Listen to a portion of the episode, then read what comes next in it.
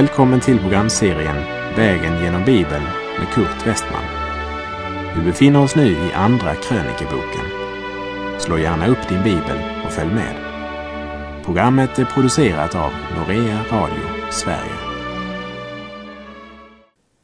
Förra programmet avslutades med att stadfästa att blodet står centralt när syndaren ska försonas med Gud. Och när synderna genom blodet är försonade kommer friden, glädjen, tacksamheten och därmed också behovet att tacka, prisa och lovsjunga vår Gud för hans frälsning. Kung Hiskia hade organiserat restaureringen av templet samt tagit initiativet till att prästerna helgade sig och han befallde prästerna att återuppta offren i templet. Han befallde också leviterna att lova Herren med Davids och siaren Asafs ord och de sjöng Guds lov med glädje. Nu firas återgudstjänst i Herrens hus i Juda. Men det var en högtid som var speciellt viktig Liksom blodet är centralt när det gäller försoningen av synden så var påskhögtiden och den stora försoningsdagen den stora och centrala högtiden. Det var verkligen en Herrens högtid. Och under lång tid hade man inte hållit denna högtid i Juda. Vi läser i Andra krönikebok kapitel 30, vers 1. Därefter sände Hiskia bud till hela Israel och Juda och skrev också brev till Efraim och Manasse att de skulle komma till Herrens hus i Jerusalem för att hålla Herrens, Israels Guds påskhögtid. Och därmed så läser vi om ännu en underbar handling av Hiskia. Efter att Hiskia hade öppnat templet och återinfört tillbedjan av Abrahams, Isaks och Jakobs Gud och därefter offentligt gett sin gudstro till känna, så inbjuder han nu till påskhögtid. Och det är inte bara Judas och Benjamins stam ifrån Sydriket som inbjuds till högtiden. Men hela Israel inbjuds att komma för att tillbe Gud. Och vi läser i vers 2. Och kungen och hans förnämsta män och hela församlingen i Jerusalem enade sig om att fira påskhögtiden i andra månaden. Hade inte Gud fastställt en bestämd tid för den här högtiden? Kan regeringen i Juda bara bestämma sig för att flytta den? Ja, här ska vi bara påminna om något vi läste när vi vandrade genom fjärde Mosebok. Vi läser från fjärde Mosebok kapitel 9, vers 10 och 11. Tala till Israels barn och säg, om någon bland er eller era efterkommande har blivit oren genom en död, eller är ute på resa långt borta och han ändå vill fira Herrens påskhögtid, så ska han fira den i andra månaden på fjortonde dagen vid aftontiden. Med osyrat bröd och bittra örter skall han äta påskalammet. Här ser vi att det var inte kung Hiskia som bestämde tiden men man följde den lag Herren gett Mose angående när någon inte hunnit helga sig eller när andra förhållanden hindrade. Vi läser ifrån Andra krönikerbok kapitel 30, verserna 3 till och med 5. Ty det kunde inte fira den nu genast, eftersom prästerna ännu inte hade helgat sig i tillräckligt antal och folket inte hade hunnit församla sig till Jerusalem. Därför tyckte kungen och hela församlingen att det var rätt att göra så. Och det beslöt att låta tillkännage i hela Israel, från Berseba ända till Dan, att man skulle komma och fira Herrens, Israels, Guds påskhögtid i Jerusalem. Ty man hade annars inte firat den gemensamt som det var föreskrivet. När det står att man eh, inte annars hade firat den gemensamt som det var föreskrivet så säger det oss två saker. För det första hade Gud alltså föreskrivit att denna högtid skulle firas gemensamt, alltså tillsammans med Guds församling. För det andra hade tydligen några av juda barn ändå firat påsk.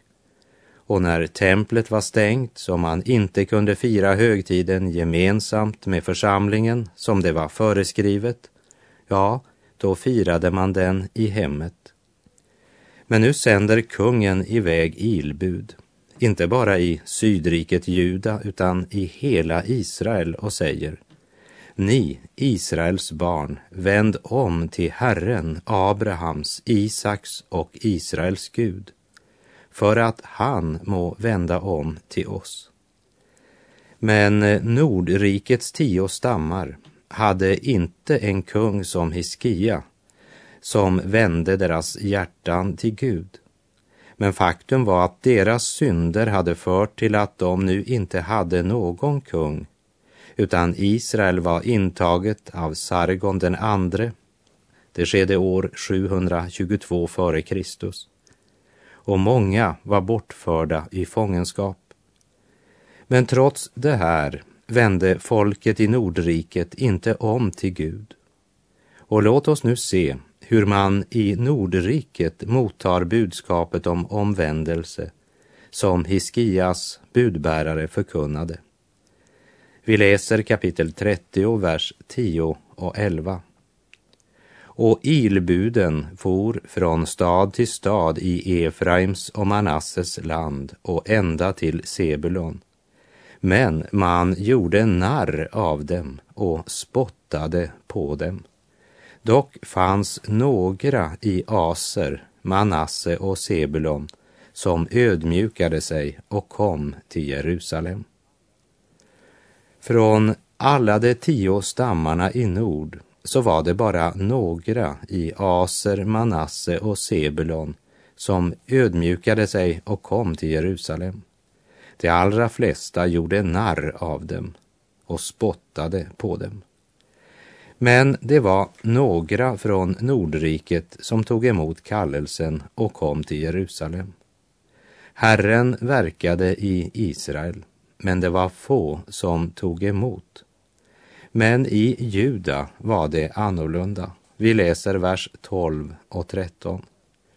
Också i Juda verkade Guds hand så att han gav dem ett enigt hjärta till att göra i enlighet med vad kungen och de förnämsta männen hade befallt i kraft av Herrens ord. Och mycket folk kom tillsammans i Jerusalem för att fira det osyrade brödets högtid i andra månaden, en mycket stor församling. Och på den fjortonde dagen i andra månaden är man alltså äntligen redo att fira Herrens påsk igen.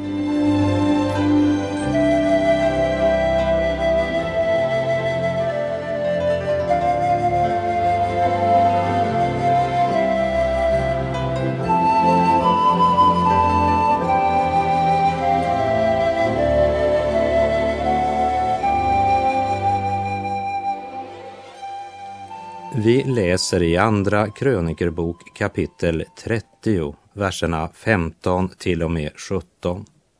Och det slaktade påskalammet på fjortonde dagen i andra månaden. Prästerna och leviterna som nu kände sig skamsna och därför hade helgat sig förde därvid fram brännoffer till Herrens hus.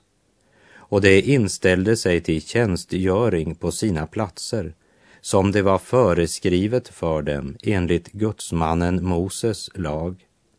Och prästerna stänkte med blodet sedan de hade tagit emot det av leviterna.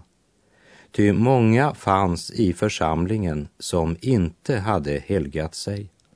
Därför måste leviterna slakta påskalammet för alla som inte var rena och så helga dem åt Herren. Folk hade kommit inte bara från Juda utan också från en del av stammarna i Nordriket. Och många av de här, de hade inte helgat sig. Men de blev inte utestängda utan leviterna slaktade ett påskalamm speciellt för alla som inte var rena och helgade dem så åt Herren. Vi läser vers 18 till 20. Det var nämligen en mängd av folket, många från Efraim och Manasse, Isaskar och Sebulon, som inte hade renat sig utan åt påskalammet på annat sätt än det var föreskrivet. Men Hiskia hade bett för dem och sagt Herren den gode må förlåta var och en som har vänt sitt hjärta till att söka Gud, Herren sina fäders Gud, om han inte är ren enligt helgedomens ordning. Och Herren hörde Hiskia och skonade folket. Hiskia gjorde mycket gott för sitt folk och för sin Gud.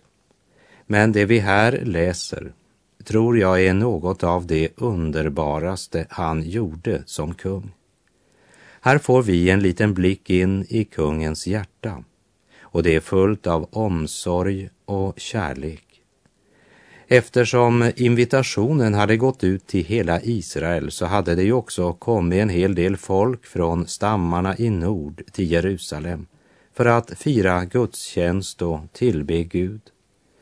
Men de som kom från nord, de hade i lång tid varit utan Guds ord. Ja, faktiskt hela sitt liv. För de hade växt upp i Nordriket där avgudsdyrkan präglade allt helt sedan Salomos rike blev delat.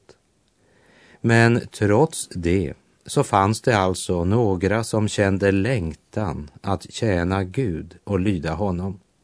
Och därför hade man lyssnat till kallet som Hiskia sände ut.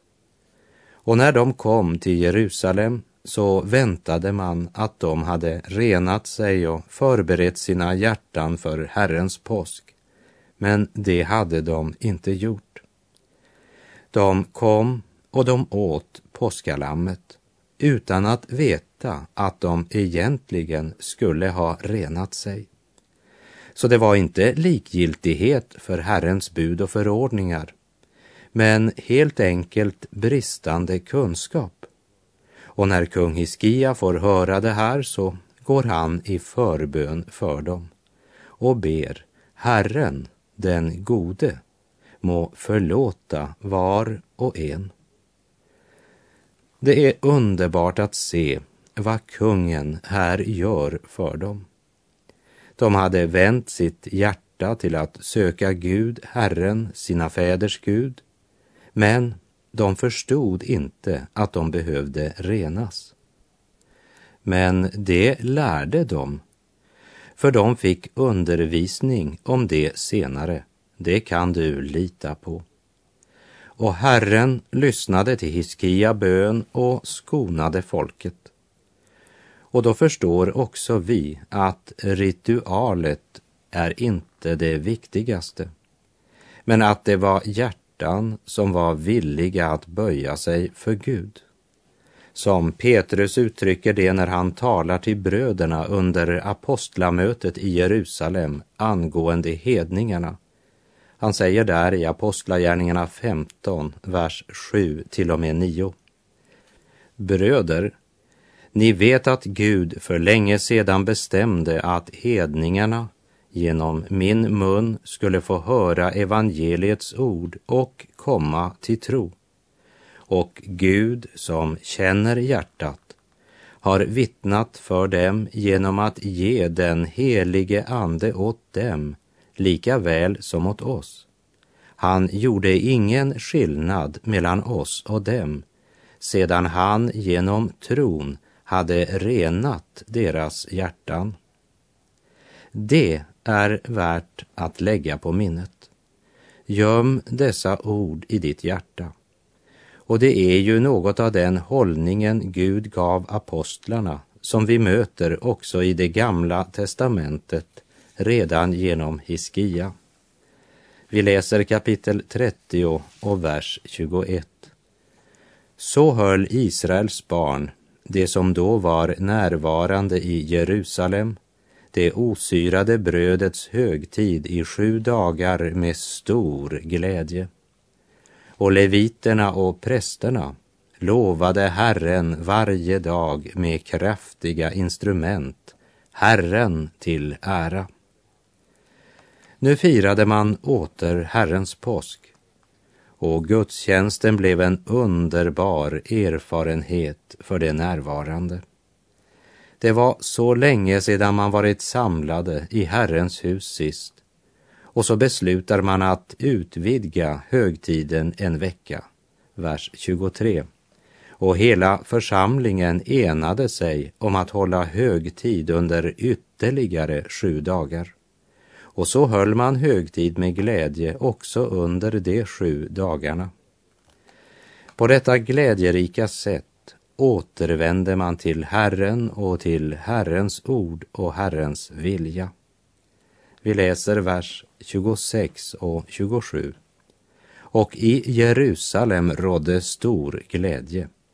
Ty ända sedan Salomos, Davids sons, Israels kungs tid hade inte något sådant som detta skett i Jerusalem. Och de levitiska prästerna stod upp och välsignade folket. Och deras röst blev hörd och deras bön kom till himmelen, hans heliga boning. Låt oss lovsjunga vår Gud. Låt oss lovsjunga vår Gud. Låt oss lovsjunga vår Gud. Låt oss lovsjunga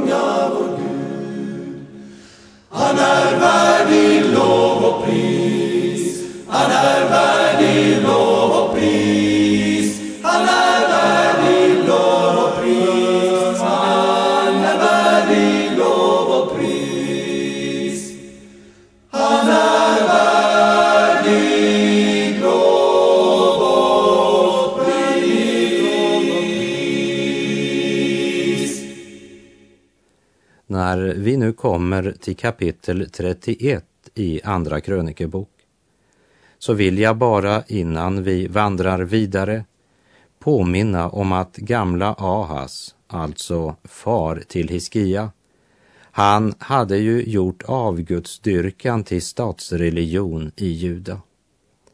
Men Hiskia hade börjat sin regeringstid med att kasta ut alla avgudar från templet och åter börjat fira gudstjänst så som det var föreskrivet i Mose lag.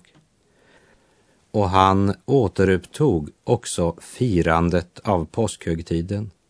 Och så läser vi i Andra krönikerbok kapitel 31 och vers 1. När nu allt detta var över drog alla israeliter som hade varit närvarande där ut till Judas städer och slog sönder bildstoderna, högg ned aserorna och bröt ned offerhöjderna och altarna i hela Juda och Benjamin och i Efraim och Manasse, tills det hade gjort slut på dem. Sedan återvände alla Israels barn till sina städer, var och en till sin egendom.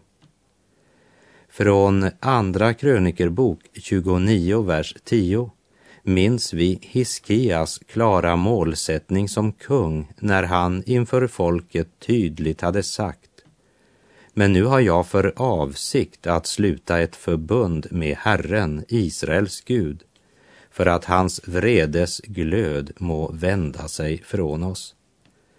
Och för Hiskia så gick lära och liv hand i hand.